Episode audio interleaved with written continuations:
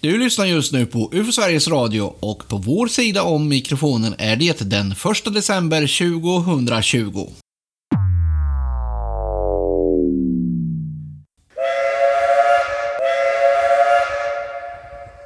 Jag säger, vart är vi på väg? Vi är nu på väg, inte järnväg. En som går från coast to coast. Vi börjar från starten, men inte den i öst. Och i backspegeln har vi något som skimrar i guld.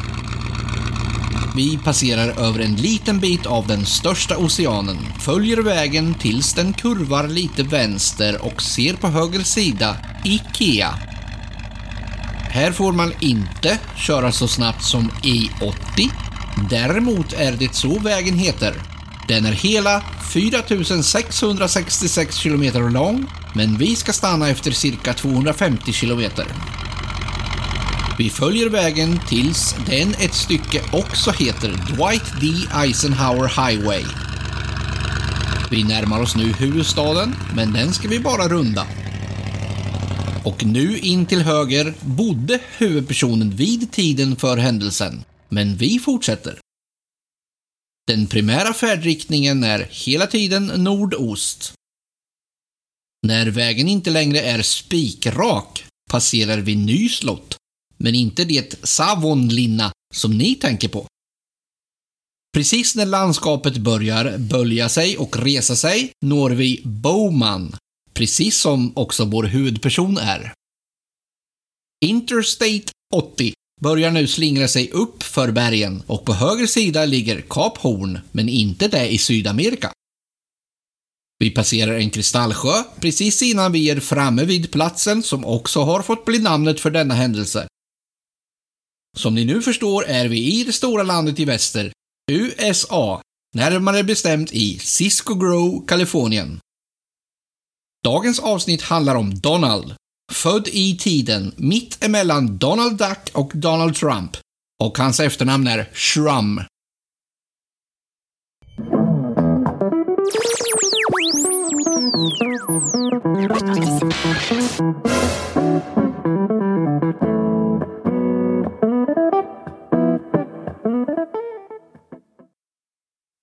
Precis som jag sa här i introt så är vi i Cisco Grow och det här fallet har ju blivit känt som Cisco Grow. Ja, det kallas ju för Cisco Grow, fallet så. Men eh, Cisco Grove, jag tror inte att så många har hört talas om den orten i övrigt. Ort och ort, det är väl knappast en ort, det är väl i, pri- i princip en plats. Ja, precis. Det, det är nätt och jämnt ett samhälle, utan det är mer av en ansamling av utspridda hus, så som man kan säga. Vi kanske ska börja med att eh, förklara var vi, var vi är då. Rent lokalmässigt. I, eh, I USA är vi och i Kalifornien som jag sa. Vi befinner oss mitt emellan Sacramento, som är då huvudstaden i Kalifornien, och Reno. Även om Reno ligger precis på andra sidan gränsen till Nevada. Området som det här ligger i brukar kallas för Gold Country. Cisco Grove befinner sig inne i det som kallas för Tahoe National Forest. Det är väl en nationalpark nordväst om eh, en jättestor sjö som heter Lake Tahoe. Som är den största färskvattenreservoaren i Sierra Nevada. Och ni som kan er spanska vet vad Sierra Nevada betyder. Sierra bergskedja. Och I det här fallet skulle den då ligga i Nevada, men i själva verket så är det så att den ligger i princip helt och hållet i östra Kalifornien. För att få en bild av hur det här landskapet ser ut där den här händelsen utspelar sig så är det väldigt kuperat. Landskapet är egentligen en blandning av snötäckta bergstoppar och öken. Ganska nära Cisco Grove så är det förhållandevis grönt. Bergskammarna befinner sig ungefär 2000 meter över havet. Nere i ravinerna mellan de här bergen då så är det flera hundra meter lägre då. Men det är vegetation, grönt. Den består mestadels av granar och tallar. Kanske inte de som vi känner i Sverige, utan mera amerikanska grejer. De brukar vara lite större där. Längre ner mot marken så är det väldigt buskig vegetation och sånt. Ja, när man tittar på bilder från det här området eh, där det här äger rum, där som vi ska komma till, så jag tycker man får väldigt mycket feeling av just sån här, eh, ja, någon slags eh, västerlig amerikansk terräng av något slag. Så, eh, Kalifornien, eh, de här krokarna, och mycket små eh, bergs Ja, det är ju emellan, emellan, mellan de här träden så är det är ju berg i dagen på många ställen. Ja, precis. Så man ser sten. det är väldigt mycket stenigt eh, som sticker upp. Så, så är det klippmark va? och så buskage emellan och så lite skog här och var och så.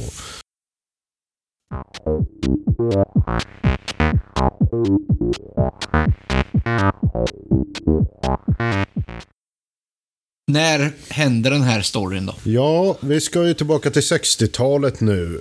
För som folk har förstått så är det ju ett fall som vi ska diskutera från eh, närmare bestämt natten mellan den 4-5 september 1964 var det ju som en eh, händelse utspelade sig i det här området, skogsområdet Cisco Grove. Vi kan ju börja lite grann med bara diskutera bakgrunden till eh, varför den här personen överhuvudtaget befinner sig i de här trakterna. Du nämnde ju här att eh, den man vi kommer att prata om är en person som hette Donald Schramm. Lever han fortfarande? Nej, han är död. Han dog för eh, ett par år sedan. Det var det 2000... Ja, jag har ingen koll på det här faktiskt. Jag har inte sett det. Nej, men anledningen till att de befinner sig här är väl att de har eh, jobbat ganska hårt först. Ett gäng kompisar. Så. Och eh, de behöver komma loss lite. De ska ut på en liten jakttur. Precis, det är ju tre stycken personer som är närvarande från början här. De är ju tre stycken arbetskamrater då. Och, Varav två av dem är närmare arbetskamrater. Den tredje är ju inte kompis till huvudpersonen. Nej, precis. Han är bara medföljer så här lite mer så. Hänger med. De jobbar ju för det här företaget då som heter Aerojet. Det är ju ett eh, företag som bland annat tillverkar eh, robotar och dylikt till Ja, eh, Försvaret, ja. Mi- Missiler bland annat. Missiler till amerikanska flygvapnet. Det är ju det som våran huvudperson här då arbetar med. Han, han svetsar och han målar de här missilerna. Men de har bestämt sig för att de ska ta en weekend ute i bushen och gå på lite jakt då. Komma loss lite. De är ute på jakttur, ja. De är ute och jagar med, med pilbåge. Då. Det är bågskyttesäsong här, de här delarna av USA. Så att eh, de får inte använda eh, skjutvapen, krutvapen. Nej. såna. Jakt med pilbåge är ju tillåtet i USA. Nu är, alltså 2020, så är det jaktsäsong för pilbåge mellan juli och september. Jag tror den var lite kortare då, precis när de var ute. Men det var ändå jakt för, för pilbåge då. Och eh, för en svensk kan det ju låta helt eh, konstigt med pilbåge, att jaga med pilbåge. Men det kan också bero på att pilbågsjakt förbjöds i Sverige 1938 redan. Så det är därför vi kanske inte har samma, ja, vad ska man säga? Tradition Ja, utav, exakt, eh, exakt. Den här pilbågen som Donald Schramm har, det är en 60 punds pilbåge. Det säger inte så mycket va? 60 pund, det- är ungefär en dragkraft på 30 kilo om man skulle översätta det till... Det hjälper ju inte. Vi förstår ju fortfarande inte vad det betyder. Nej. Om man säger att pilen lämnar pilbågen med en hastighet på 100 meter per sekund. Det skulle nog säga ungefär cirka 350 kilometer i timmen. Kanske inte heller säger så mycket, men, men för en som vet hur jakt fungerar så betyder det verkligen att, att det funkar precis lika bra som ett, ett eh, krutgevär. Då. Ja, det är ju en jäkla fart får man ju säga. Ja. 350 km i Alltså det, timmen. det är, och enligt förespråkarna av bågjakt så är det här den jakt som gör att man kommer närmast naturen. Man ska vara tyst när man kommer nära villebrådet och så vidare. Det de jagar är ju hjort först och främst. Det är ju därför de är ute. De ska jaga lite hjort. Precis, och de har eh, varit ute här, de här tre personerna. Det är ju då, han heter Donald Schramm som sagt och hans två medkamrater då, eh, kollegorna där. Den ena killen som han ju är närmare bekant med heter Vincent Alvarez. Och eh, sen har han då den andra kollegan som heter Tim Trueblood. De har varit ute där ett tag. De har ju slagit upp ett, eh, ett litet läger och samlat sina saker. Så, va? Sen ger de sig ut i skogen. och går runt här i de här vildmarkerna på sina eh, jaktturnéer. Men de, de separerar sig väl ganska tidigt där.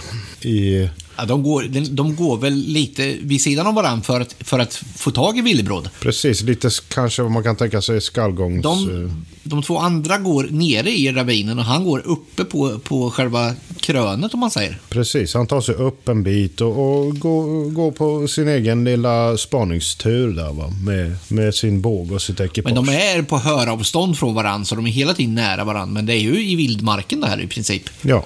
Sen så slutar ju det här med då att uh, Shram, han kommer ju bort sig lite grann. Han, ja, det, beror, det beror ju på att han kommer fram till ett ställe där, han, där det blir ett stup mer eller mindre. Precis. Och då kan han inte gå ner där. Och då säger de andra att han, han får gå tillbaka och gå runt så att han kommer ner till dem. Så att de kan träffas igen.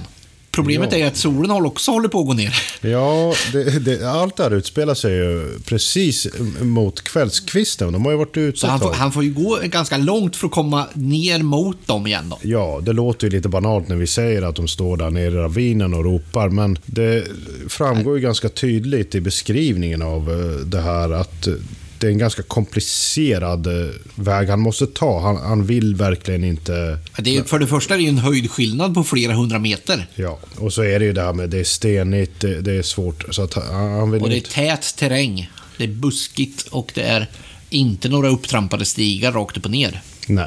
Och börjar det ju också bli mörkt. Ja, och det är ju den, den stora tjuven i sammanhanget här. För Shrum, han eh, börjar ju då eh, bege sig i riktning mot jaktkamraterna. Men eh, så småningom blir det ju märker han för mörkt. Han kommer inte lyckas ta sig ner och ta sig tillbaka till något läger. Va? Utan han, han börjar ju förstå här så småningom att han, han måste avbryta sin... Och då har han ju tappat kontakten med dem sedan några, ja, en lång stund. Ja, precis. Då inser han att det här är bättre. Det är ju bättre att jag stannar här istället för att utmana ödet. Ja, så han, eh, han väljer ju att göra någonting annat då. Han väljer ju att eh, slå läger för, eh, för natten på på sin egen kant där, så gott han kan. Ja, det, anledningen är väl också att det finns vilda djur där som man inte vill eh, röra upp ifall det skulle hända någonting. Ja. Det är bättre att vara still än att hålla på och stöta på någonting som, som skulle bli aggressivt mot honom. Precis, det är en av de stora orsakerna till att han eh, börjar besluta sig för att eh, inte gå in i, ja, vandra runt in i lite tätare skog, ja, sånt där.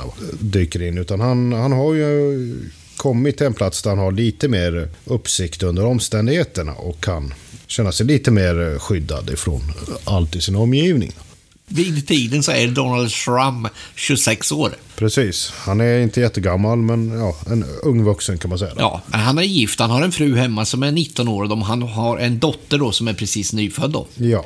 Så småningom här så börjar ju saker och ting utvecklas. Så vi kanske ska lämna orsaker till varför han hamnade där han hamnade och dylikt bakom oss nu då. Och gå in på det som är den egentliga orsaken till att vi vill berätta om den här kvällen. Ja, han bestämmer sig för att slå läger och han eh, stannar. Han klättrar väl upp i träd och bestämmer sig för att sova där. Ja, precis. Han har ju satt sig i det här trädet eh, och det är ju också um, för att skydda sig från djur. Då. Han eh, är ju lite mer skyddad där uppe. Han är ju inställd på att han, han, kommer att sitta där hela långa natten. Vi snackar alltså 64. Det är bara att glömma allt vad kommunikationsmedel hette. Man hade ju inga walkie-talkies eller någonting. Nej. Nej. Som egentligen fanns om man hade velat. Ja, jo. Rent tekniskt. Mobiltelefoner Precis. var ju inte att tänka på. Nej. Det börjar ju hända lite saker då när han har suttit där under en period. Kan ha varit. Han har ju väldigt dålig tidsuppfattning va, Donald Trump. För att han har ju ingen klocka den här natten. Så att allting sånt är lite relativt. Men... Eh, var det en god stund? Han har suttit där ett bra tag va, när han gör sina första iakttagelser då den här kvällen.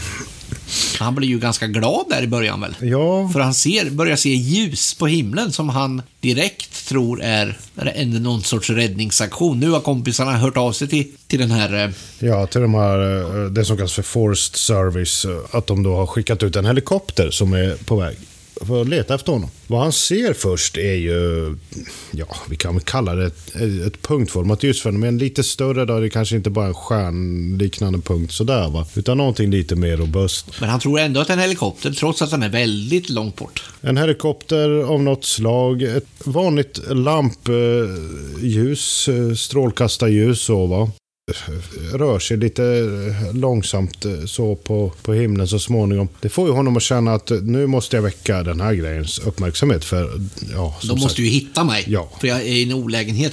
Det är ju kolsvart så att de kan ju inte se mig om inte jag gör någonting. Det är ju en helikopter som sagt. Så ja. Eh, jag ska... Han vill ju dra åt sig uppmärksamheten på alla sätt och vis. Så han hoppar ner. Han hoppar ner i trädet. Så... Trädet, vad är, det, trädet är en gran. Trädet är en gran och den står väldigt eh, så här isolerad. Det, är- det är inte en gran ibland granar, va? utan det, det är en gran som står lite i Fritt. Ja, fritt och omgiven av lite, det är en sten nedanför, en ganska stor sten. Och så är det de- den här bergiga, lite klippiga, eh, Terrängen där är. Ja. ja, steniga terrängen inunder. ja. Så eh, en ganska ensam gran i en sån... Men han sitter omgivning. inte speciellt högt upp först. Nej, han sitter väl ett par... en- Vad är det? Tre, fyra meter. Ja, någonting sånt. Ja. Men han klättrar ner lite kvickt och försöker att få uppmärksamhet. Hur gör han det? Ja, han går ju ner och tänder eh, två stycken eldar då. Är det inte tre eldar? Tre eldar kan det vara till och med. Jag tror det är tre eldar. Det kan vara tre eldar. Mindre, han- med någon sorts meter emellan varandra för att han ska försöka få uppmärksamhet. Då. Precis, i någon formation sådär. Och så står han ju där nere och ja, man får väl anta att han gestikulerar en hel del och försöker kanske, som man gör när man vill bli hittad. Det visar sig att eh, det, det är kanske inte någon helikopter det här va, så småningom. Det, det går lite tid och Men det rycker till. Ljuset rycker till och kommer mot honom. Ja, det är ju någonting som händer eh, först här va, som får dem att börja fundera. Att är det här verkligen en helikopter? Och det är ju när den här grejen, för eh, det första så rör den sig ju på ett sätt så att han kan se den mot skogen som bakgrund. Va? Så han ser att den är liksom framför eh, skogen och Och bergen. För Ja. de sticker ju upp längre bort. De blir Precis. högre. Så han har ju referenser bakom hela det här ekipaget. Då. Visst är det väl att det går lite för fort, som han tycker. Och att det är ljudlöst. Det, det är sådana där detaljer som får honom att börja ana att det här är ändå inte någon helikopter. Han anar oråd. Börjar ju tankarna gå lite där. Vad är det här? Mm. Det är väl i ungefär det läget som han eh, tänker att han ska klättra tillbaka upp i trädet. Eh, så han överger ju så småningom de här eldarna då. Drar sig tillbaka upp sina meter upp i, i granen där då. Men då kommer den här närmare och närmare. Den rör sig fortare och fortare, tätare in på honom. Den blir inte jätte... Den blir inte stor, utan det är ett litet, ett litet ljussken. Det är som en liten orb som Ja. kommer närmare och närmare. Han, han, nu kan han ju verkligen fatta att det, inte, det är ingen helikopter. Nu börjar han känna sig övertygad om den saken. Och då är det kanske inte läge att vifta och, och hålla på med eld och så. så att, eftersom han inte förstår inte vad det är, men det är ändå en liten grej.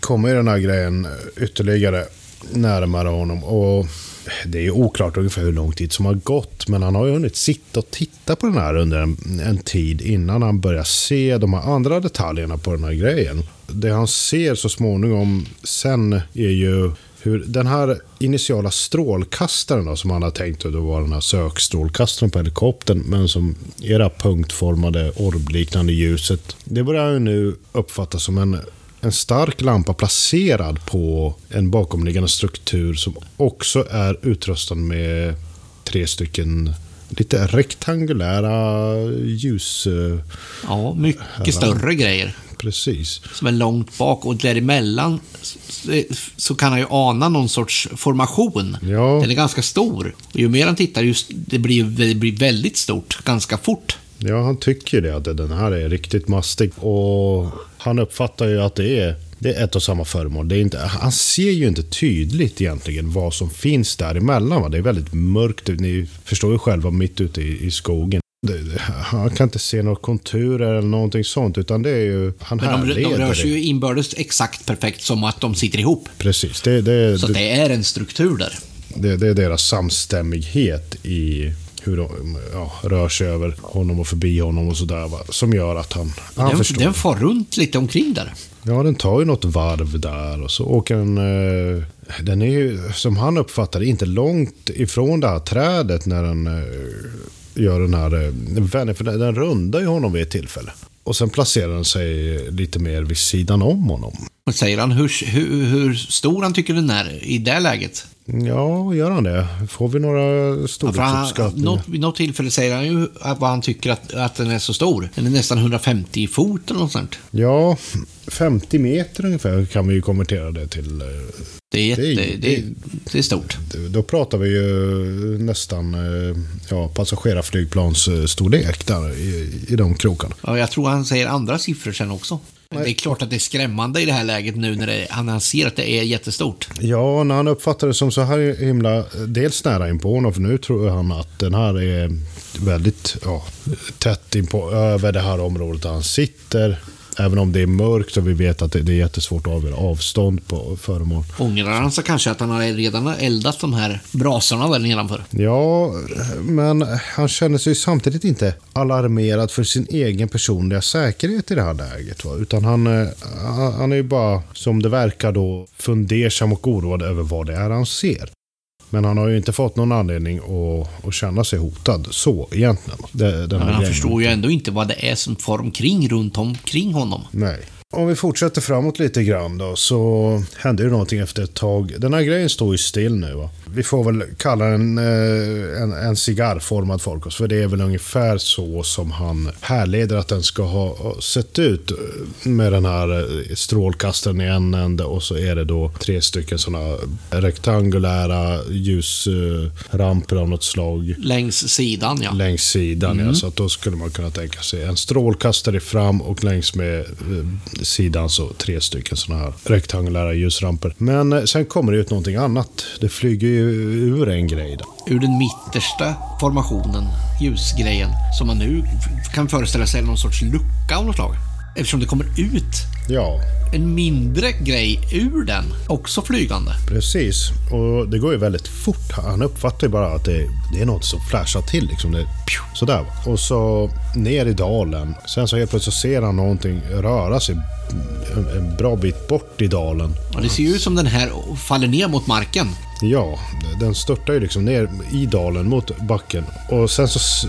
Han tappar väl den under någon kort eh, sekvens där. Och sen ser han någonting en bit bort igen. Så då uppfattar han då att nu är den där istället. Va? Den, den ser väl ut som en halvcirkelform ungefär va? Den ja, här grejen som har fallit ner mot marken. Det kan man väl säga. Den är... Han ser ju inte den heller. Eller halvklot. Ja, mer liksom sådär. Ja, precis. Halvmåne. Sådär, halvsfär. Den är dock inte svart väl? Nej, den lyser ju. Den, den har ju no någonting som lyser på den. Den hänger ju stilla i luften sen, eh, vill jag minnas att han, att han beskriver det som, när, när den har kommit en bit bort där i dalen. Den gör ju inte så jättemycket mer än där igen.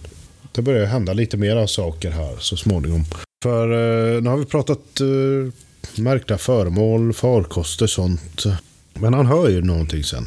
Det börjar prassla i vegetationen. Det börjar prassla i hans omgivning. Den här cigarren, om vi fortsätter kalla den så, är kvar. Det här föremålet där borta har inte dragit sin kos. Och då börjar det prassla i vegetationen.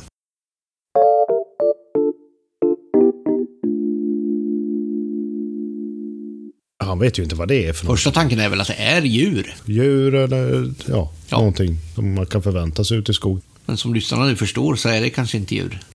Det är inte det han eh, beskriver sen, utan han börjar se, vad, är det två, två figurer han ser först? Som börjar krampa runt där ute och de är på lite avstånd då. Ja, helt irrationellt så går de runt och håller på i vegetationen och de, ja, de, det ser ut som de letar efter någonting först väl? Ja, de bara går De gör någonting som man inte riktigt fattar. Vad, vad, vad håller de på med? Ja, nej, men det, det, är som att de går runt och, och söker. Plockar bär eller bryter kvistar och, och undersöker saker och ting. Och, det är allmänt märkligt i alla fall. Jo, det är lite egendomligt beteende så från de här figurerna. Men de, de kommer ju successivt lite närmare ändå. Och han sitter ju kvar i trädet i det här skedet kan man ju tänka sig att han är väldigt fundersam över vad, vad det är som, som håller på att hända. De kommer ju så småningom upp då. Och en springande punkt i det här sammanhanget är att han vet ju egentligen inte exakt hur många det är som han uppfattar det. För att han, eh, han ser två stycken små figurer men han hör hela tiden hur det springer runt. Kanske en eller flera. Så han ser någon hit och någon dit. Är det samma figurer eller flera figurer? Det kan ha varit tio, det kan ha varit tre. Det, det är lite så. Men han ser då lite närmare när de, när de kommer upp emot hans träd. För det gör de ju så småningom. Och blir lite nyfikna på, på Shrum där. Då har det, I det läget har de, då vet de om honom. De har uppmärksammat honom. På grund av de här eldarna som han kanske har där. Ja, de kan ju ha varit en bidragande orsak. De, de har ju så småningom slocknat här. Va? De ligger och pyr och lite så. Och glöder ja. Glöd. Men eh, de, de verkar inte vara intresserade av honom på det viset. Nej, de är ju inte det i det här läget. De fortsätter ju ungefär så som de har gjort innan. De går ju bara runt och tittar där och ja, som vi sa, de lyfter på stenar och Men bryter. vad är det här för figurer då? Hur ser de ut? Ja, ja men de, de är små. Tre feet, en meter, men det är nog snarare så att de är fem fot, en och en halv meter höga. Ja, de är inte stora alltså, utan det- här är Men små. de är heller inte jättesmå. Nej, det är inga dvärgar så, utan det är, ja, ska man säga, små humanoider eh, kan man väl, eh, för de, de har ju en mänsklig form så. Ben och armar och huvud, den vanliga så.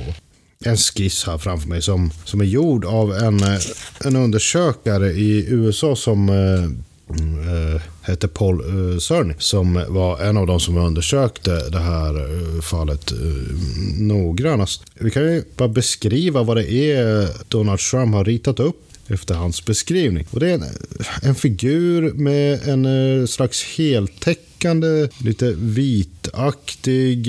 Eh, En ljus overall, One Ja. Piece står det på något ställe. Det återkommer vi ofta till, One Piece.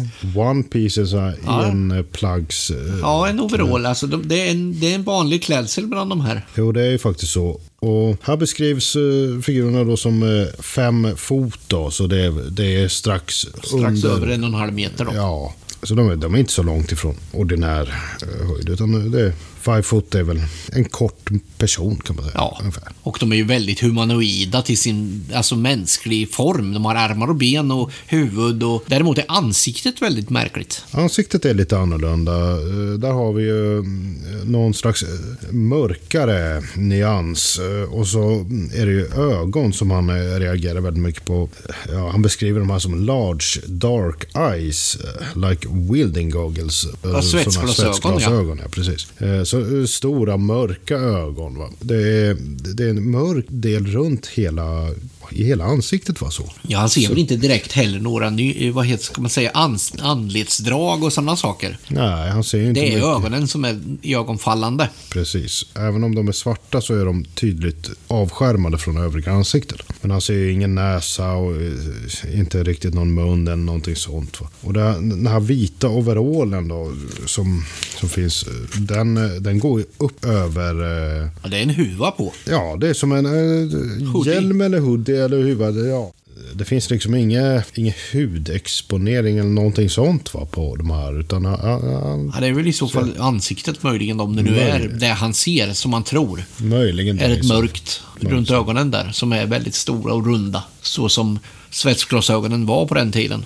Ja, nej, och återigen, de gör ju inte så mycket de här, utan eh, de vandrar runt där lite grann.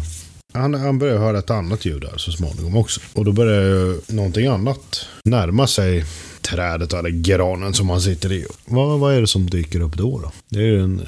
Ja, det är ju ytterligare en humanoid varelse som är, den är väldigt lik den första, men inte, i, den skiljer sig på, på en springande punkt i alla fall. Den är, som han kallar det, den är mycket mer robotlik. Den rör sig väldigt stelt, den här tredje figuren som, som ploppar upp här. Och Ja, den är inte ta- väldigt mycket större, något större kanske. Ja, lite grann. Det, det är ingen stor skillnad mellan de här va? Han skiljer på dem väldigt mycket. De ena är mänskligare och det andra är roboten då. Precis, han kallar ju dem här för eh, de här två första det är humanoiderna. Och sen är det den här tredje det är roboten. Så det, det är ju Donald Trumps beskrivning av de här figurerna som man ser. va. Nu har det gått timmar sedan solen gick ner. Ja, nu är det becksvart. Nu, som sagt, han har ju ingen klocka och han vet inte vad, vad tiden är. Men eh, nu ser ju inte han mycket alls. då undrar man ju hur han kan få de här detaljerna om det är så svart som vi tror att det är. Det är inte, han är inte jättehögt upp i trädet. Han kanske är på fyra meter och de här är nedanför. De är en och en halv meter långa. Ja, ja, Höjdmässigt så skiljer det kanske två meter. Det är precis, han är inte långt ifrån dem. Sen är det frågan om mör- mörkeranpassning och sånt där. Man får väl lite grann med, med tiden, men han hade väl inte jättelätt att, att, att se dem riktigt så. Kan man tänka sig. Och det är givetvis värt att, att fråga sig efterhand också. Vad- den här roboten som kommer, som han kallar det, den är ju mer inriktad på honom än vad de andra är. De andra verkar ju vara lite mera flippade. De, de gör lite andra grejer. Ja, eh, de andra har ju varit lite mer av, eh, ja, vad ska man kalla dem, eh, två utforskande humanoider som går runt där nedanför och försöker utforska omgivningen och sånt. De har ju inte riktigt intresserat sig för honom, så som roboten nu gör. Den här roboten gör ju en sak som får lite betydelse för den senare utvecklingen först. Och det är att den klampa fram till en av de här eh, brasorna som Shram har tänt. Den ligger, det, är ju en upphöjd platå jämte trädet där man, man förstår inte riktigt bara om den behöver klättra upp eller om den, hur den kommer upp dit. Precis, det, det, han har ju lagt den här, det här virket som han har bränt uppe på någonting. Och eh, ja, roboten tar sig i alla fall upp dit på något vänster. Det är väl ingen jättehöjd så kan man tänka sig, utan någon eller några meter kanske. Och han ställer sig framför den här och så drar han bort askan. va? Och Och glödande kol. glödande kol. Ja. Den här roboten gör ju någon slags tillbakaryggande dylik eh, manöver sen som... Han verkar ju bli skraj för, för, kol- för när det flashar till där. Precis, I där, eldens sista levnadsskede. den reagerar över det som den är lite skrämd utav. Sen så tar ju den här roboten, mycket riktigt som du sa, lite mer sikte på Shrum. Ja, verkligen.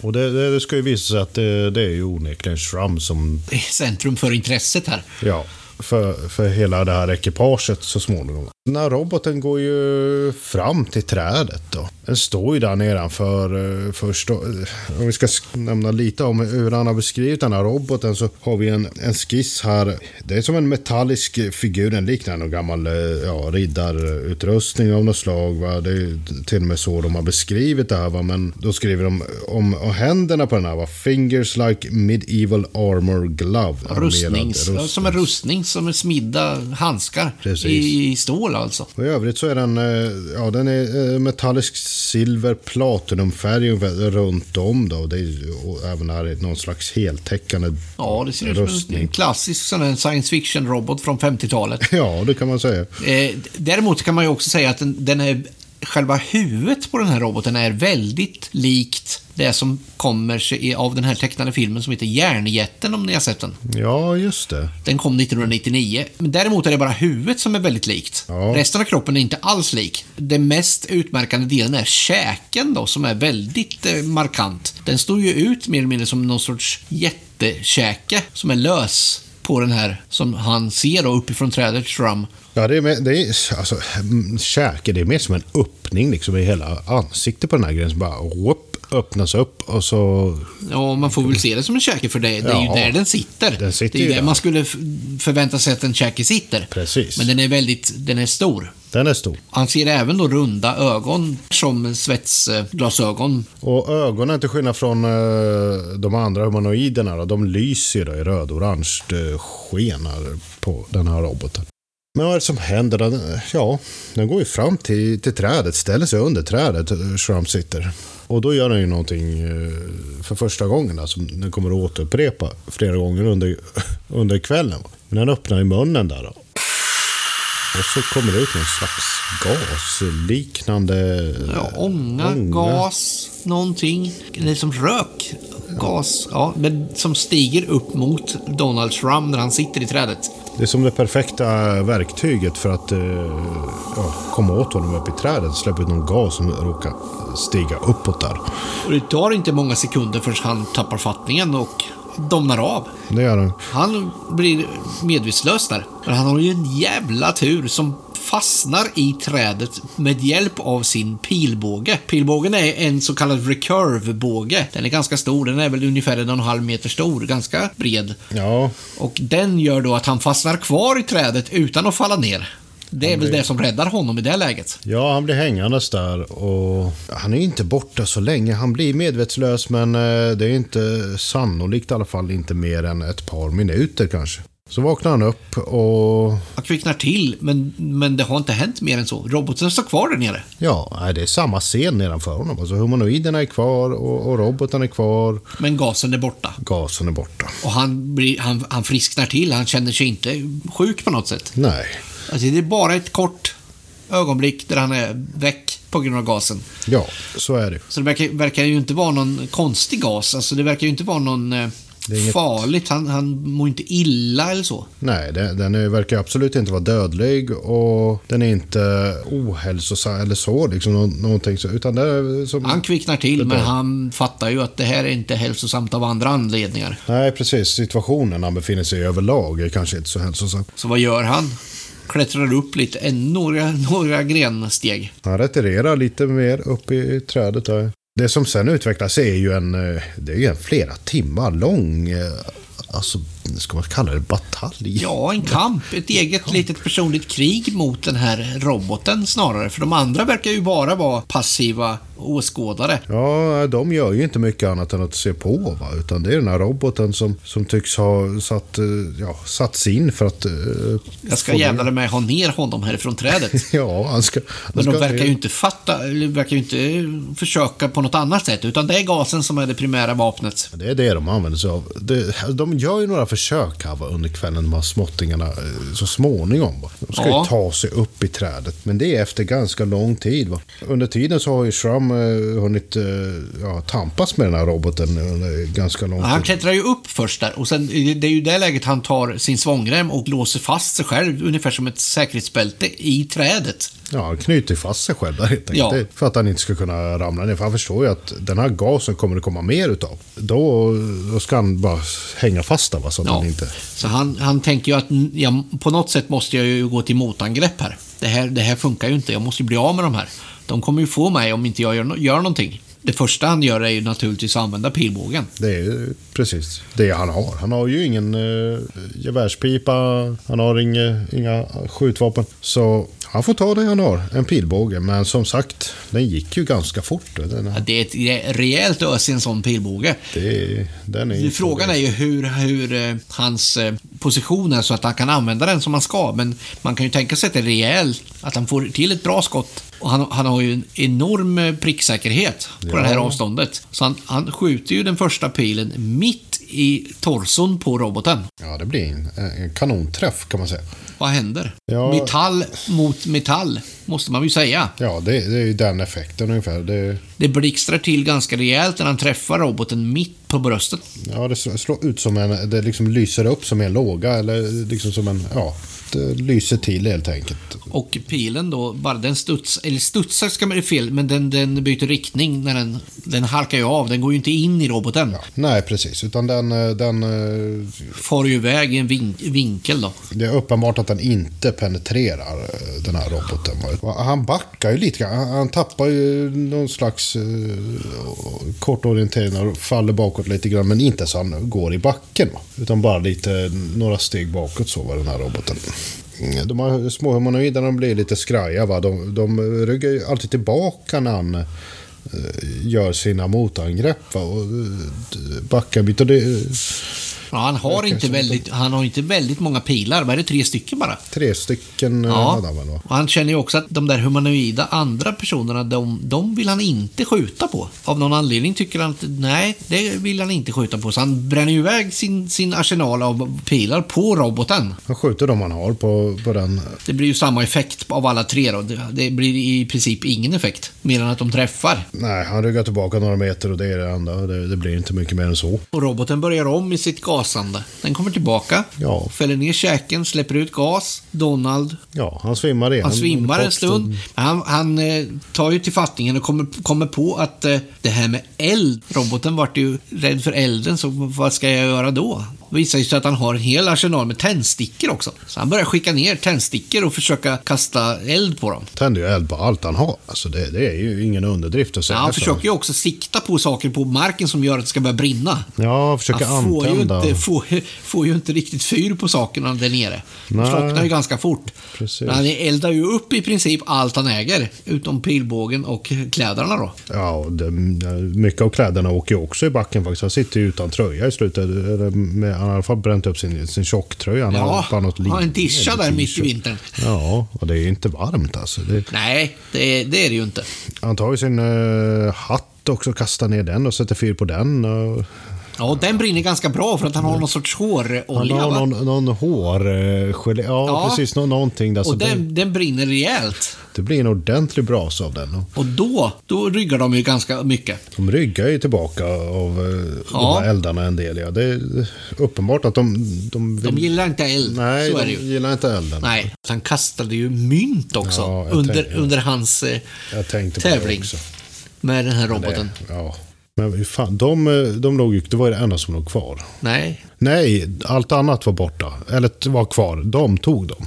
ja, han tror ju att roboten och Ja. humanoiderna knyckte de här mynten Ja. som han kastade ner. Just det, det var När han inte hade något annat kvar att kasta, då kastade han även pengar i form av mynt. Ja, nej, precis. Det var, det var ju mycket, mycket han, kastade ner mot de här. Och mynten eh, som han kastade, de var ju inte kvar heller. De var ju borta sen han reste på sig eller eh, klättrade ner ur träd. På morgonen där. Han, han tror ju att robotarna fick intresse för dem. Eller humanoiderna, att de tog med sig dem. Precis. Och han spekulerar ju i senare sen att de var intresserade av någon sorts vetenskaplig anledning på grund av att det fanns text på mynten. Ja, text och tecken, liksom symboler och bild. Så, ja. Ja, det är ju hans spekulationer. så kan det ha varit naturligtvis. Men de har fa- fortfarande inte fattat hur man klättrar i träd. Nej, det har de inte gjort. Utan det, det kommer de ju till i ett väldigt sent skede här.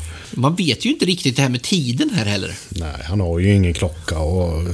Det är fortfarande helt mörkt. Det- det, han, han uppfattar det ju som att det är timmar som går alltså. Ja, ja, ja. Det, det har hållit på hela natten alltså. Och det är samma process med eh, ja, gas och kort medvetenlös och sen Ja, vaknar och så... Men han är ju inte de här sekunderna eller minuterna som han är borta kan han ju inte riktigt reda för hur långa de är. Nej, det kan han ju inte göra. Men när han vaknar till så är ju inte läget annorlunda på något sätt. De har ju inte flyttat sig jättelångt eller så. Nej.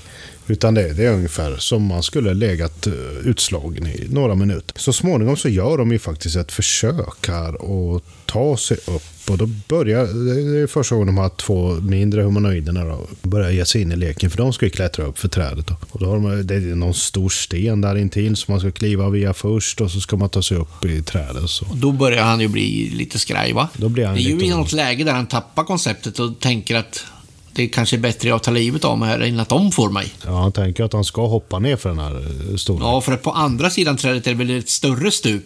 Ja, Alltså där- där han skulle kunna göra sig av med sig själv om man hoppar ner eller kastar sig utför. Precis, han, han kan hoppa mot en säker död om han eh, bara vill det. Den va? tanken slår honom vid några tillfällen. Ja, för han vill ju absolut inte bli bortplockad utav de Nej. här. Men det är då också han får tanken på fru och barn, att han verkligen vill komma hem till dem. Ja, Så han precis. sitter kvar där. Men gör, kommunicerar inte de här på något sätt enligt honom? Han hör ju något form av ljud. Eh, Han, han kan ju inte med säkerhet säga om det är kommunikation eller ej, men han hör ju någonting som liknar något slags uggleho av något slag. Ja, ungefär. Ja, något slags hoande så. Och det åtföljs ju varje gång av någon, någon form av agerande ifrån de här på, på backen. Alltså, han uppfattar ju att det här är någon slags eh, signaler från, eh, från farkosten.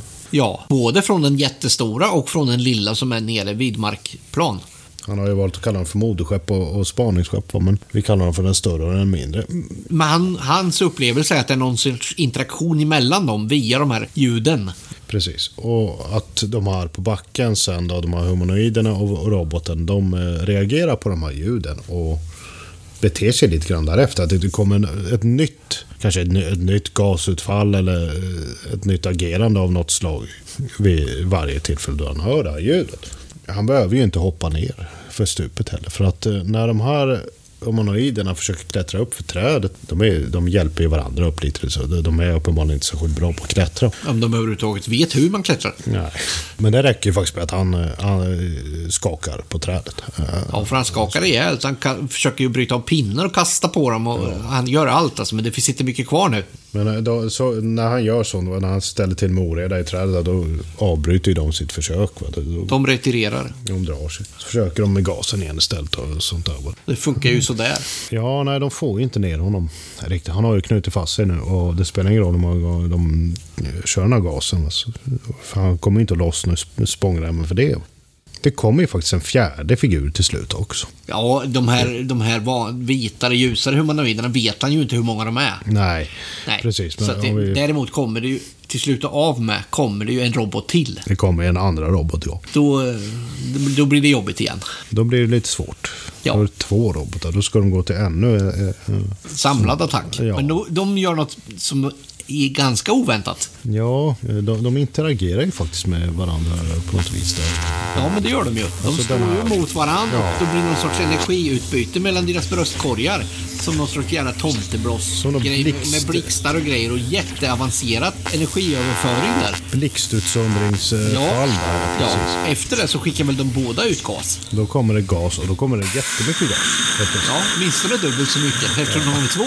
Det är två. Ja, Och då försvinner han ju bort igen, precis som han har gjort flera gånger under natten. Nu vet man ju inte hur många gånger. Det går ju, han kan ju inte räkna längre. Nej, utan det har ju varit eh, hela pågående Det natten. kan inte vara hälsokost det här. Det kan inte vara hälsosamt för honom, även om han inte blir sjuk.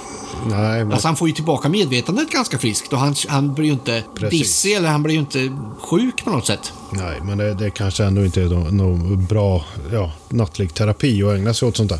Det här visar sig ju faktiskt vara det sista gas. Ja, för när han vaknar upp efter de här sista gasningen, Mm. då kan han ju i horisonten se att solen börjar klättra upp lite, lite grann. Och nere på marken så är det ingen kvar. Det är tomt. De är borta. Nu är de borta. Så Och, han vet ju inte hur de har försvunnit. nej, och farkosten, bägge två, både den större och eh, den mindre, de är borta.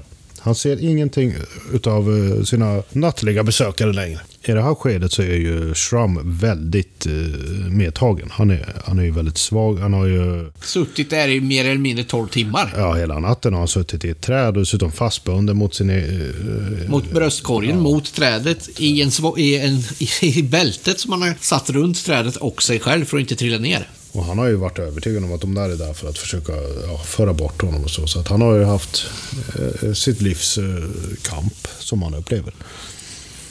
Men han lösgör sig och klättrar ner. Ja, nu börjar det ju ljusna lite grann. Alltså nu börjar han ju kanske få större möjligheter att försöka ta sig tillbaka till, till lägret. Va? Och han går en bit, men han... han eh, Ja, han, är, han är ju svag. Han har ju ont. Sannolikt för att han har spänst fast sig själv mot trädet. ja. Och det kan ju inte vara någon höjdare att sitta i mörkret och i kylan halvnaken. För det är han ju mer eller mindre. Ja, Han har ju bränt upp allt han ägt, äger. Ja, nej, han, han har inte mycket kläder. Så han faller ihop där på den lite steniga marken sen. Eh, Vem är det som hittar honom? Är det Alvarez? Ja, det är Alvarez. För de är ute, nu, nu har han varit borta hela natten, så de, de ute och letar efter honom. Men de har ju fattat att han tänker att sova ute i skogen själv, för det är säkrast. Ja. Så de tyckte ju inte att det var jätteonaturligt att han inte kom tillbaka. Nej, utan det är ju på morgonkvisten. De gick ju till lägret. Precis, de har varit på lägret hela natten. Och han berättar ju för Alvarez vad det är som har hänt. Och det visar att Alvarez, han, han, han tror ju på honom. För han har ju faktiskt också sett någonting föregående natt, eh,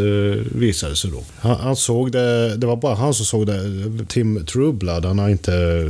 Ja, de kom ju Så också från varandra lite grann. Ja, de var separerade under en kortare period där innan de kom tillbaka till lägret bägge två. Och då uppfattade ju Alvarez ett ljusfenomen som rörde sig på himlen. Eh, Lite liknande en meteor, men eh, som rörde sig alldeles för långsamt för att vara en meteor. Det berättar han ju om för Shrum då. Och det är ju anledningen till att han tror på honom. Att han säger ja, men jag såg ju faktiskt någonting De, egendomligt." de sätter samman det. Att de, de, de tror att det är samma grej alltså. Mm, de gör det. De tar ju tillbaka honom till lägret sen och, och så åker de in och han får ju återhämta sig i lugn och ro då. Shrum.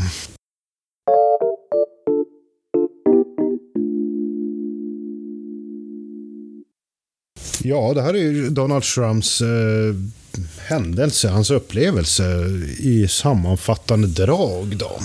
Ja, det är helt otroligt. 12 timmar i trädet under attack av robotar och humanoider. Det här är ju ett, eh, ett klassiskt fall inom ufologin som inte har getts riktigt eh, samma uppmärksamhet eh, utanför branschen som man kanske kan tycka att, att det borde ha, ha fått. Va?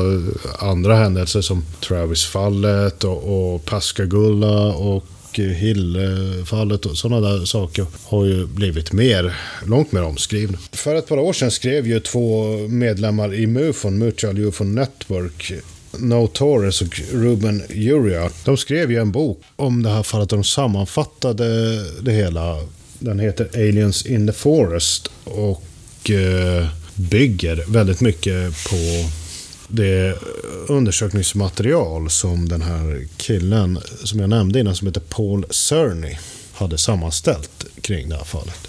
Han var ju undersökare för NICAP, National Investigation Committee on Aerial Phenomena. Och var ju den som dokumenterade och utredde det här fallet för organisationens räkning. Och som eh, har ja, utan vars arbete det här inte alls hade varit känt på samma sätt inom branschen. Men hur kommer det till hans kännedom då? Ja, precis. Den första som, eh, som Schramm kontaktade var ju en, eh, en professor, en gammal astronomiprofessor. Han är pensionerad nu, men han hette Victor Killick. Det var väl hans fru varit väldigt engagerad i det här. Ja, hon... Det var väl hon som e- egentligen kontaktade den här Killick. Ja, Eller om det kanske till och med var svärmor. det kan ha varit så, ja. Precis. Ja, för de som såg ju att han, det här är inte bra, vi måste ju göra någonting. Ja, och vi ska ju understryka det här att eh, det finns ju upp, mycket uppgifter ifrån frun va, om eh, Shrums beteende tiden efter den här händelsen. Och hon har ju varit väldigt mån om att gå i god för sin man, om att han verkligen hade varit med om någonting. Och att det märktes väldigt tydligt på hans beteende. Men hon eh, vill då föra det här vidare, så Ja, de kontaktar ju den här det stämmer nog att det är hon. kvickt. Precis, ja. Han kanske inte var lika engagerad och begeistrad till en början. Nej, det var han ju kanske inte, men eh, tog emot eh, uppgifterna i alla fall och tog en redogörelse och eh, tyckte väl också att eh, Donald Trump, han lät ändå inte särskilt egendomlig eller så. Han, han, han slog honom inte som någon lugnande stolle eller någonting sånt där. Så han bestämde sig för att ändå föra det här vidare till, eh, till amerikanska flygvapnet och meddela dem Han hade de inte någon släkting också där som var involverad? De hade ju en släkting som eh, jobbade vid närmsta flygbasen där. Och de kollade ju med honom eh, om det hade varit några flygövningar, någonting sånt i, i området. Om man nu skulle ponera att det skulle varit något sånt. Det måste ju till en ganska exotisk, subjektiv... Och det är väl ändå bra att kolla. Det är ju det vi gör hela tiden. Precis. Kollar saker. Ja, så är det ju. Men eh, de hade inte haft några aktiviteter i de här krokarna den här natten. Det kom eh, vidare till eh, flygvapnet sen då via den här astronomen då. Ja, vi ska naturligtvis inte gräva ner lyssnarna i allt eftermäle som finns eh, kring den här händelsen, men eh, vi får väl nämna någonting om eh, amerikanska flygvapnets inblandning i alla fall. För de, eh, de vart ju intervjuade sen, Donald Trump och hans eh, fru som heter Judy Trump, av eh, två stycken eh, arméofficer, nej, eh, flygvapenofficerare. Efter en del eh, eftermälen därefter så har det visat sig att eh, den ena av dem hette Captain McCloud och han hade sällskap av en eh, Sergeant Major R. Barnes, är det som de namnges i, i den här boken då, av Torres och Uriarte. Det var väl ganska underlig intervju. Ja, Den gick Den väl ju- inte till på så som man skulle kunna önska kanske. nej. Och den, den skedde i en, ganska, en väldigt steril miljö. De fick komma till någon utbyggnad, en, en, lite... Ja, det, skulle väl, det, det föreställde väl en vanlig bostad. Ja, ungefär Men så. eh, de fattar ju ganska snart att det, det här är inte... Det här är, till, det här är tillställt, eller ordningställt för just det här eventet. Ja, ungefär så. Att här För här bor ingen, för, för så här sterilt kan det inte vara i en bostad. Mm. Och det tyckte de ju var väldigt konstigt. Men de slog upp en bandare i alla fall och intervjuade de här två och de berättade således om, om händelsen. Och ja, det vart väl några egendomliga inslag där som de reagerade över under intervjun. Men eh, Schramm var i alla fall eh, han var ambitiös. Han pekade ut platsen, eh, gav dem en karta, visade saker och ting. Och han eh, gav ju så småningom också en av de här pilarna vad som han hade plockat upp eh, dagen efter hennes, eller på morgonen. Där. För de fanns ju kvar. Och på dem fanns det ju någon, någon slags avlagring av något slag. Någonting som hade satt sig på pilen som då eventuellt skulle kunna komma ifrån den här figuren. Ja, roboten då, som vi har valt att, att kalla den och som Shram kallar den. Det fanns ju två sådana pilar då. Den ena gav han då till flygvapnet. Ja, de skulle De, ju då eh, undersöka. De lovade ju att ta den till något laboratorium för att undersöka den och det fanns något spår kvar. Ja, det gjorde man väl inte visade sig. Det, Man vet ju inte var den tog vägen. den, den försvann ju småningom. Alltså, det finns ju inget spår efter den. Nej, han, han lovade sig att han skulle få tillbaka den där. Det är uppenbart att flygvapnet eh, tog hand om den här pilen. För det finns det dokumenterat, eh, dokumenterade belägg för. Det har ju bland annat Ted Blutcher fått eh, svar om att de- hade den här pilen. När han, Teddy Blucher var ju en, en eh, tidigare amerikansk ufolog som eh, jobbade väldigt aktivt under de här åren. Han fick ju besked om att de hade haft den men det hade inte genomförts någon, någon analys. Då. De hade inte kvar pilen. Så vi, vi vet inte vart den tog vägen. Schrom fick aldrig tillbaka den. Flygvapnet nekar till att de har den. Mer än så vet vi inte. När de sen kom tillbaka till den här De platsen. åkte ju tillbaka, han och hans bror åkte väl tillbaka efter två veckor så. Ja, precis. De skulle plocka med sig det som fanns. Va? Det var ju en utav de här eh, pilarna hade han ju eh, skyfflat in i, i en buske också. Ja, en pil hade ju studsat in i en buske. Och den låg ju kvar. Den fick han ju inte med sig första gången när han gick hem. Ja, Nej, det var så den. den var ju kvar. Ja, Ja, men det, han, det var ju inte lätt att veta var den skulle vara. Det som, det som är konstigt är ju då att när de kommer tillbaka, då är det ju, då är det ju blankt alltså. Det, det finns ju ingenting. Alltså någon har ju varit där och städat. det var ju som, ja, Någon har varit där och inte bara städat, alltså de har ju krattat och de har ju totalt sanerat fullständigt. ja det Stället. var ju, Det finns inte ett spår kvar. allting var borta. Alla prylar. Ja. Allt, det, det Det visste ju, de som har varit där och städat visste ju då inte att det fanns en pil kvar. Nej, Nej. precis. Men han hade ju en aning om var ungefär han skulle hitta den, så han har ju, hittar ju faktiskt pilen inne i en buske. Ja, när det studsat in i en liten... eh, Pilarna är ju kamouflagefärgade så går, de syns ju inte om du inte vet var du ska leta. Nej. Ja, så han hittar ju den, trots att någon har varit där och städat. Och vad drar man för slutsats av det? Det enda de har berätt, han som han har berättat det här för är ju militären. Ja, det var ju... Och det är väl de enda som skulle kunna ha resurser att åka dit och städa. Han hittade ju lite spår av dem som skulle varit där. Det låg här cigarettfimpar och grejer. Som... Då kan man ju tro det. Ja, det, det är ju lite suspekt, alltså beskrivning absolut. Att han, tiden efter att han pratat med flygvapnet och blivit intervjuad. Och så visar det sig att någon har varit där och ja, försökt rensa på det som funnits. Men de sa ju aldrig någonting om att han skulle hålla käften eller så. Nej, de gjorde nog inte det vad jag minns. Nej, det gjorde de inte. Däremot kom ju Heineck in på ett, på ett spår där. Det finns ju en teori om att, att han har en av pilarna. Du minns hur det var Heineck kom in i bilden? Nej, det är därför jag frågar dig. Det finns eh, spekulationer om att den Eh, så småningom kom till Joseph Allan Hynecks, eh, att han hade den här pilen eh, senare. Men det är ju obekräftat så.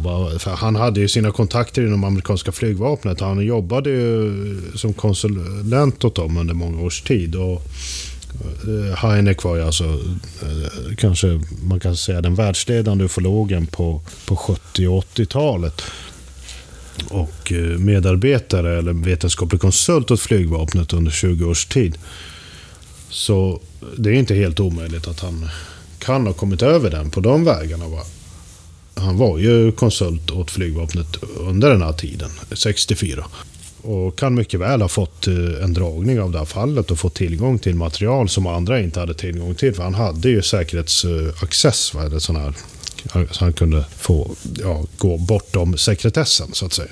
Så vitt vi känner till så har inte det bekräftats heller och vi vet inte vart de här övriga pilarna är idag. En pil vart ju tyvärr förstörd när den skulle analyseras. Eh, ja, Jag minns inte alla tekniska detaljer där, men den, den vart förstörd i alla fall när man skulle... Ja, det fanns ingenting att analysera kvar på den. Det enda de hittade var ju metallen som den är gjord av. Ja, precis. Ja. Men det, de, man trodde ju att det skulle kunna funnits fragment kvar av den här roboten, för det hade ju han sett att det var någonting på den här pilarna. Ja. I, I det initiala skedet efter att han hade skjutit av dem. Inte minst på, på den som han gav till flygvapnet. fanns det en, en tydlig, liksom som en fläck eller någonting av... Ja, flagor på något sätt. Ja. Det sket sig ju fullständigt, för de hade ju slarvat ju bort den eller gjorde ingenting. Eller bara, Ja.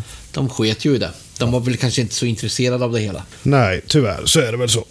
Ska vi försöka summera eller sammanfatta? Det tycker jag. Han fick ju problem efteråt på grund av det här händelsen då. Det var ju, han fick ju mardrömmar och han fick lite psykiska... Det var ju jobbigt alltså. Det var ju någonting han gick och tänkte på nästan varenda dag i resten av livet. Precis, det, det är väl lite grann det jag tycker att man kan betona om man ska försöka summera någon slags slutsats här. Att det, som Donald Trump har återgett är ju en ganska så fantastisk berättelse. Det är tyvärr, det är mörkt utan han är ett ensamt vittne. Den alternativa förklaringen till att det här har gått till så som han eh, beskrivit är ju mer eller mindre någon form av ja, hallucination av något slag som har utspelat sig under den här natten. Att han själv skulle ha hittat på det verkar väldigt osannolikt. Hans eh, fru eh, pekar ju på just det du säger här. Pratar om att han var inte sig själv när han kom hem efter den här campingturen. Han var eh, likblek. Han var väldigt emotionellt påverkad. Och han hade svårt att sova i flera år efter det här och hade mardrömmar. Han reagerade också när han hörde sådana här eh, hoanden ifrån uh, Uggle var inte hans bästa vän kan man ju säga, långt senare. Nej, utan då... Alltså han var ju väldigt eh, han var störd väldigt... av det precis besvärad av dem för att de påminner honom om, om det här ljudet då, som han hade hört den här natten. Han tänkte väl att det, nu kommer de igen. Nu kommer de igen. Ja. Men han eh, var väl vid något tillfälle där de skulle göra en undersökning om han hade blivit ombordtagen. Ja, men han ville ju inte göra det. Eh, de skulle sätta honom under hypnos. Men eh, han drog sig väl ur där va? Jag vet att han, de hade planer på att sätta honom under hypnos. Ja. Han ville inte och han ansåg inte att han behövde. För att... Uh, han var ju fullt medvetande ja. hela tiden. Mer, ja, ja, men de, den, kontentan är väl att de kom fram till att han inte hade varit ombordtagen. Ja. Det, det fanns var... inga tecken på något sånt. Nej. Nej. Och där kan man ju bara hålla med dem. Jag menar, alternativet är ju då att han blev ombordtagen. Och efteråt så vart han återplacerad i trädet och inte bara återplacerad utan fastbunden med sin egen svångrem. svångrem igen. Det låter ju inte sannolikt. Nej, det Nej. låter ju väldigt uh, långsökt. Så att av allt att döma så har han naturligtvis inte blivit ombordtagen. Utan han har, han har klarat det, det här. Utan no någonting sånt. Vad ska man säga då? Ja, alla hans emotionella eftereffekter. Ska vi kalla det posttraumatisk stress. För att det, det påminner ju en hel del om det talar ju väldigt starkt för att han talar sanning om det han har varit med om och alla som har intervjuat honom och träffat honom är ju överens om att eh, det här är en, en sanningsenlig person. Han, han, har inte hittat på sin berättelse. Kan det då vara så att uh, han kan ha hamnat i något slags psykotiskt tillstånd den här kvällen som har gjort att han har varit med om de här grejerna ändå, fast att de har saknat extern verklighetsförankring? Shram avfärdar ju det själv genom att säga att man hallucinerar inte en hel natt. Det däremot är ju inte ett hållbart argument för att avfärda en sån möjlighet. Man kan gå in i olika dissociativa tillstånd som kan pågå betydligt längre tid än så. Och då kan man ju kanske tänka sig att eh, vissa sådana här subjektiva hallucinationer och vanföreställningar kan äga rum. Men eh, det är ju långt ifrån eh, påvisat att det skulle vara någonting sånt. Och när Schramm hittar sin pil den här morgonen, va, då ser han ju att den är böjd. Va. Den är, är ju vikt i en 45 grader ungefär. Som om den skulle ha slagit i. Och eh, han ser ju också små fotspår, säger han. Det, det är väldigt mycket sånt där som man måste knyta ihop, alltså baka in i, i, ett sånt scenario då. Alltså det, blir inte helt lätt att försöka få ihop det Det är så enormt mycket detaljer som, som han inte direkt... Man, man tycker inte det är naturligt att han skulle ha fantiserat fram dem. Nej, det, det är verkligen så. att det, det, här är inte ett scenario som, som slår åtminstone mig som något hallucinationsscenario av det slaget. Det, det går naturligtvis inte att säga någonting säkert eftersom han var just själv vid den här upplevelsen. Men ja, nej, det, jag skulle faktiskt mycket väl kunna tänka mig att det här har gått till ungefär så som han har. Ja, det är åtminstone i hans upplevelse är nog ganska likt det han berättar här. Ja, ja nej, det, det är en fantastisk upplevelse som, som sagt. Och vi lär väl aldrig få någon definitiv klarhet i exakt vad det var som hände och vad som pågick i omgivningen däromkring och de saker och ting som man inte såg och så vidare också. Som vi aldrig lär riktigt kunna reda ut.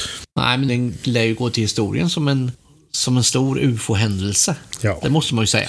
Det är en klassiker och det lär det nog förbli.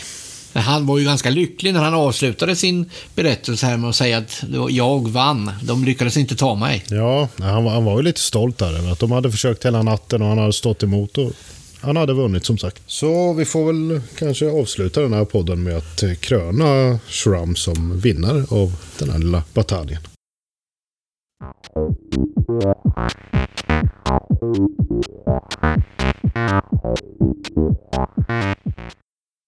Vi som gjort detta avsnitt av UFO Sveriges Radio är Johan Gustafsson och Tobias Lindgren.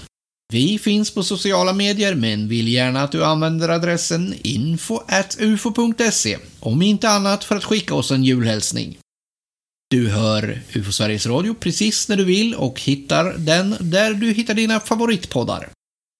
Glöm inte nästa års medlemskap samt att förnya prenumerationer på UFO-aktuellt och Rapportnytt. Och varför inte dra iväg UFO Sveriges förträffliga sparpaket i julklapp till nära och kära? Info hittar ni på ufo.se. Och så undrar jag, vad handlar UFO Sveriges Radio om i nästa avsnitt om du får välja Johan?